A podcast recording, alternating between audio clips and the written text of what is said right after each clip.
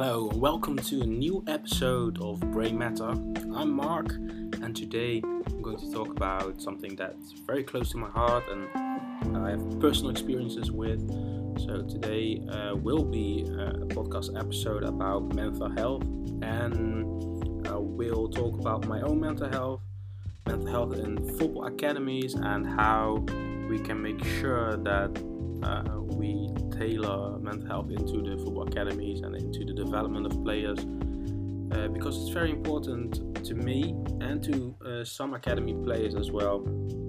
Some are not quite fit to deal with the harshness of football academies, but do have enough talent and have the ability to grow. They just need a, a kind of a different approach. Uh, we have seen some players um, who were released by academies and were good enough for other academies or clubs who didn't make it or stopped altogether or something drastic happened. Uh, we've seen a few um, suicides as well. So that's why I'm trying to talk about it today. Um, be a bit more, it's a bit heavier, this subject, but I think it's very important nonetheless. Uh, so let's get on with it and uh, thank you for tuning in and I hope you enjoy the episode.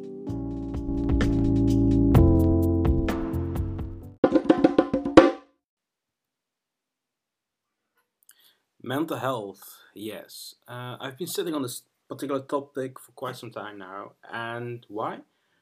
Well, my experience do tell me that the topic of mental health is rather difficult one in the football industry.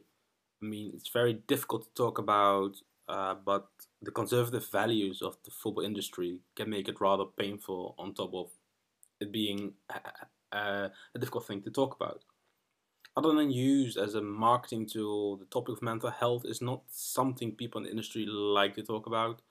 Um, and I'll give you an example. Like a few years ago, uh, I was talking to an academy coach who made the remark that if I struggle with depression or something like that, I'm not fit for a job in elite football. Now, this could be a player, it could be a coach, an analyst, or scout. Uh, at this time, it had a great um, impact on uh, what I was doing. I really thought that was the truth. This discouraged me of going further into coaching world, and still, um, and I do have regrets that I let that particular comment get the best of me. For I'm much stronger and a stronger person that that comment might suggest and how I acted on it, but because of the vulnerability of my mental health, um, that was very difficult. And I can imagine that for me as coach slash analyst slash scout, this this was that was difficult. But I also know that for players, if, especially if you're in academy, if you're young and you're a teenager, and that has a lot of impact both on girls and boys. Um, we need to be better at it, and we need to be more concerned about what it does to the mental health of players. So before I will dive into what I think mental health academy, of mental health academy, sorry, football academy should do in, in terms of mental health, uh, I will tell you something about me. So if you are listening to this and have interacted with me before, you might know that I've been diagnosed with several mental illnesses. With I think bipolar disorder and OCD being the ones that are more most um, more present in my day to day life. This means I will go through crippling anxiety almost every day of my life, combined with extreme highs and extreme lows bipolar disorder. So, I, I just want to stress that this episode is not solely about me, but if you wanted to see how I think my POV of the things, I thought it was necessary to talk a bit about my mental health as well. So, in the past, I've let my mental illness willingly and unwillingly dictate what I was going to do in my life. So, for example, I, I, just said about what the, the academy coach said to me, so I let that dictate uh, what other people thought, but also what my mental health was doing to me. And I have certain qualities in scouting and analysis, and I'm sure to some extent I would make a very decent coach, I think. But in some ways, I've never reached my full potential yet. Um, and that has to do with mental health. I'm a big Shakespeare fan, and there's one line, quote um, in Shakespeare, and one of his works that, that, that describes it best to me. Our doubts are traitors and make us lose the good we often might win, by fearing to attempt. And that's the thing with anxiety is that it kills the dreams. You have hope, you have dreams, and that's a positive thing. With anxiety, always makes you think, no, you can't do it. So why should you do it? It can only go wrong. It only makes you give a pessimistic view of the world. Now, the main reason when I talk about this particular topic is that I want to share what it means to live with a certain mental illness, to create understanding of how deep it might go. And another reason is that we, as coaches, analysts, medical staff, scouts, and other technical uh, football staff, can attribute to the better conditions surrounding mental health, making sure that some players will flourish more because they need more of attention to it. So, my mental health. Talking about mental health is very important to me if you ask me. Personally, it has helped me to find a balance in my life, but was no smooth smooth walk in the park. Coming to terms with your mental illness or mental illness is, is quite a difficult quest. It took me a while and I had to go through very low places with people who were intentionally and unintentionally toxic in my environment to get rid of those people is very difficult, especially if you don't know that they are toxic. At a point in my life, I started to think about the way I felt about myself and about life in general. I started to question my behavior and wondered if the sadness or frustration or extreme intense feelings I had were different from normal. The only thing that made me act upon my suspicions was time. Like the song Time by Pink Floyd with Pink Floyd always being in my mind when I'm talking about mental health, by the way. All those feelings I had were there constantly and consistently, which led me to believe that this wasn't normal or this was out of the ordinary, and it was not the norm of society. But what does normal even mean? And what does it mean to be different to what's normal?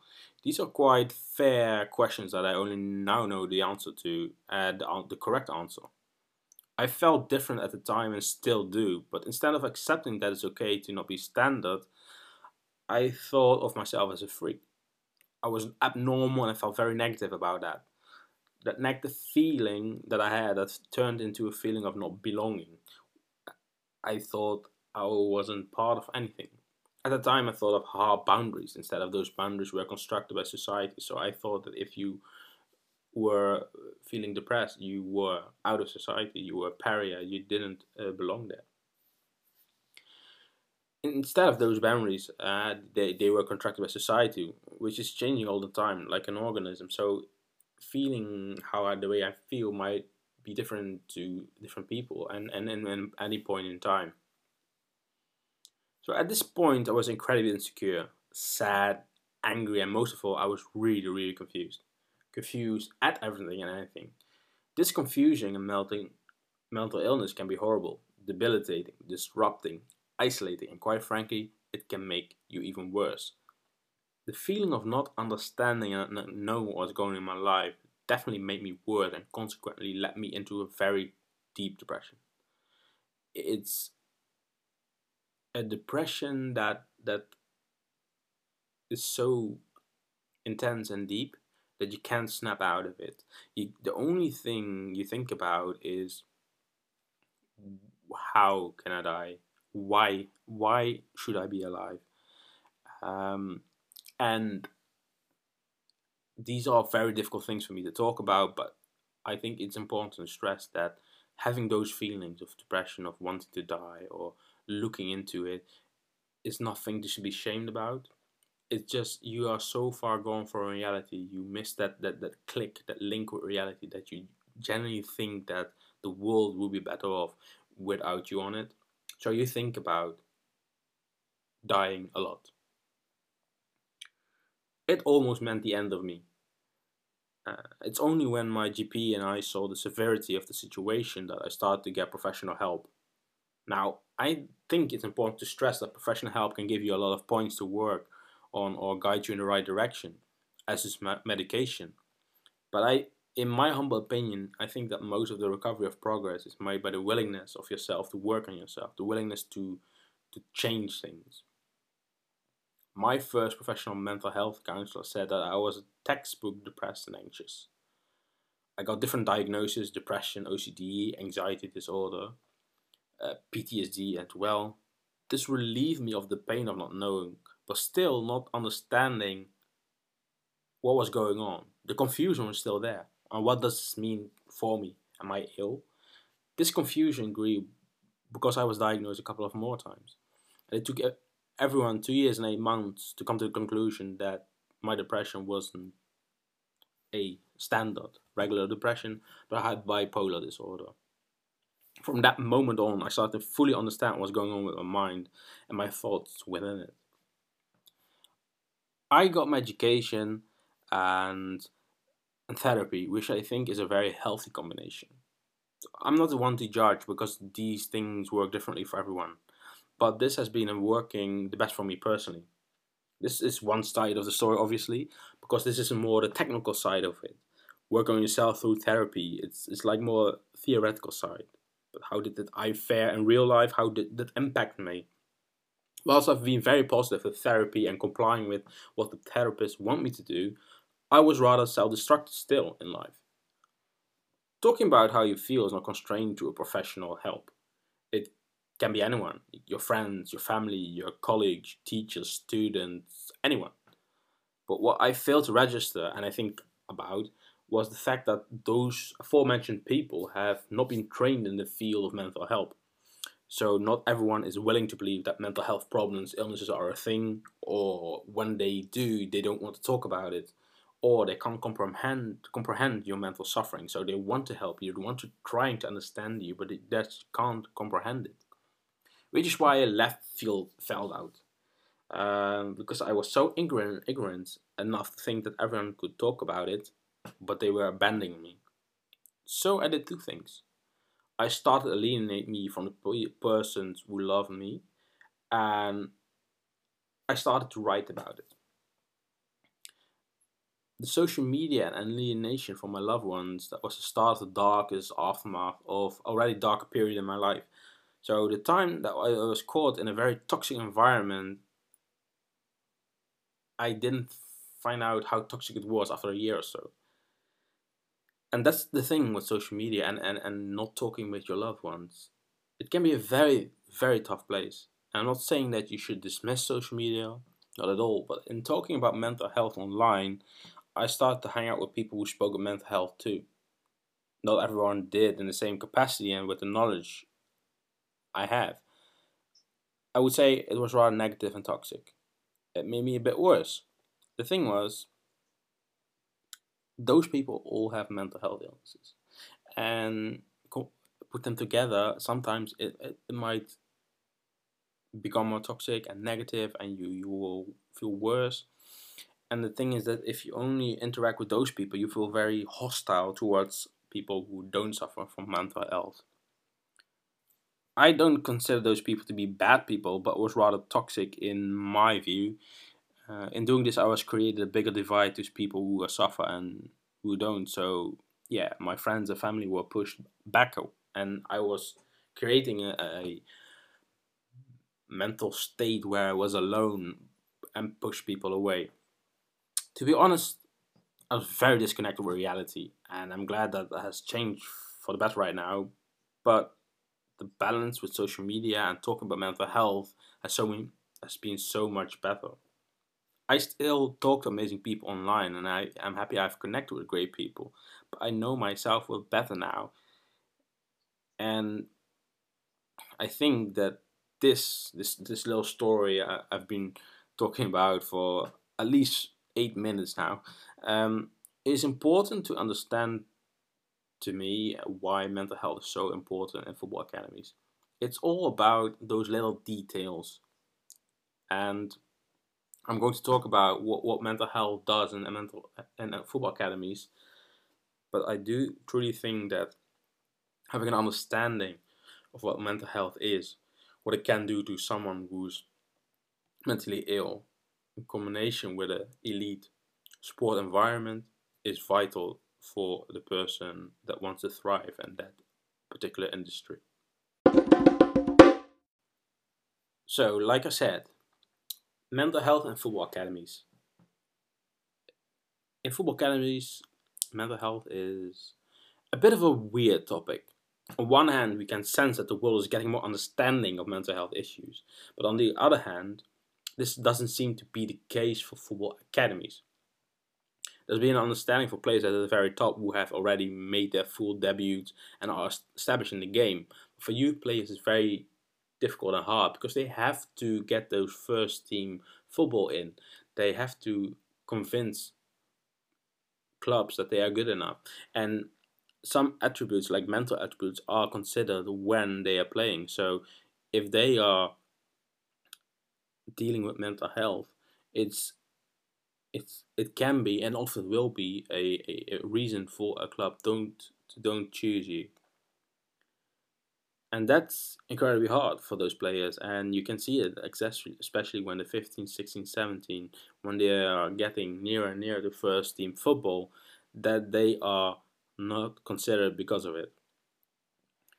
Young players are not only concerned with playing well and getting results as a team but they are in a rather special position as they need to prove themselves worthy of being in the academy and showing that they might be a good sign for the senior side of the club or other clubs. That is an intense and huge pressure that they need to deal with. And yes, of course, this is what elite sport is all about. But I think it's really important to focus more on the mental aspect of a player. First of all, we are all humans and we should also be looked after, after such. That might be a task for academies to look into because, after all, mentally strong players and players to be able to deal with emotions can provide great insights.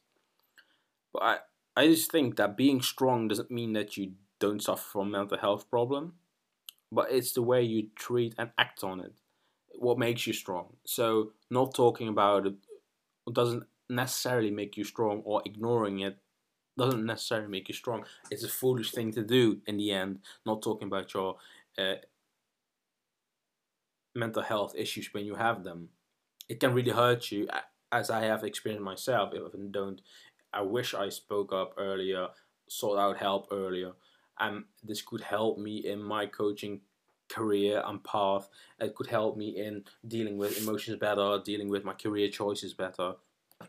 Obviously, I'm not regretting anything now because I'm, I'm, I'm doing quite well, but I do think that if I reach out earlier, I would have uh, more of an experience and, and better tools to equip what it was, and I might be doing what I'm doing now four years earlier.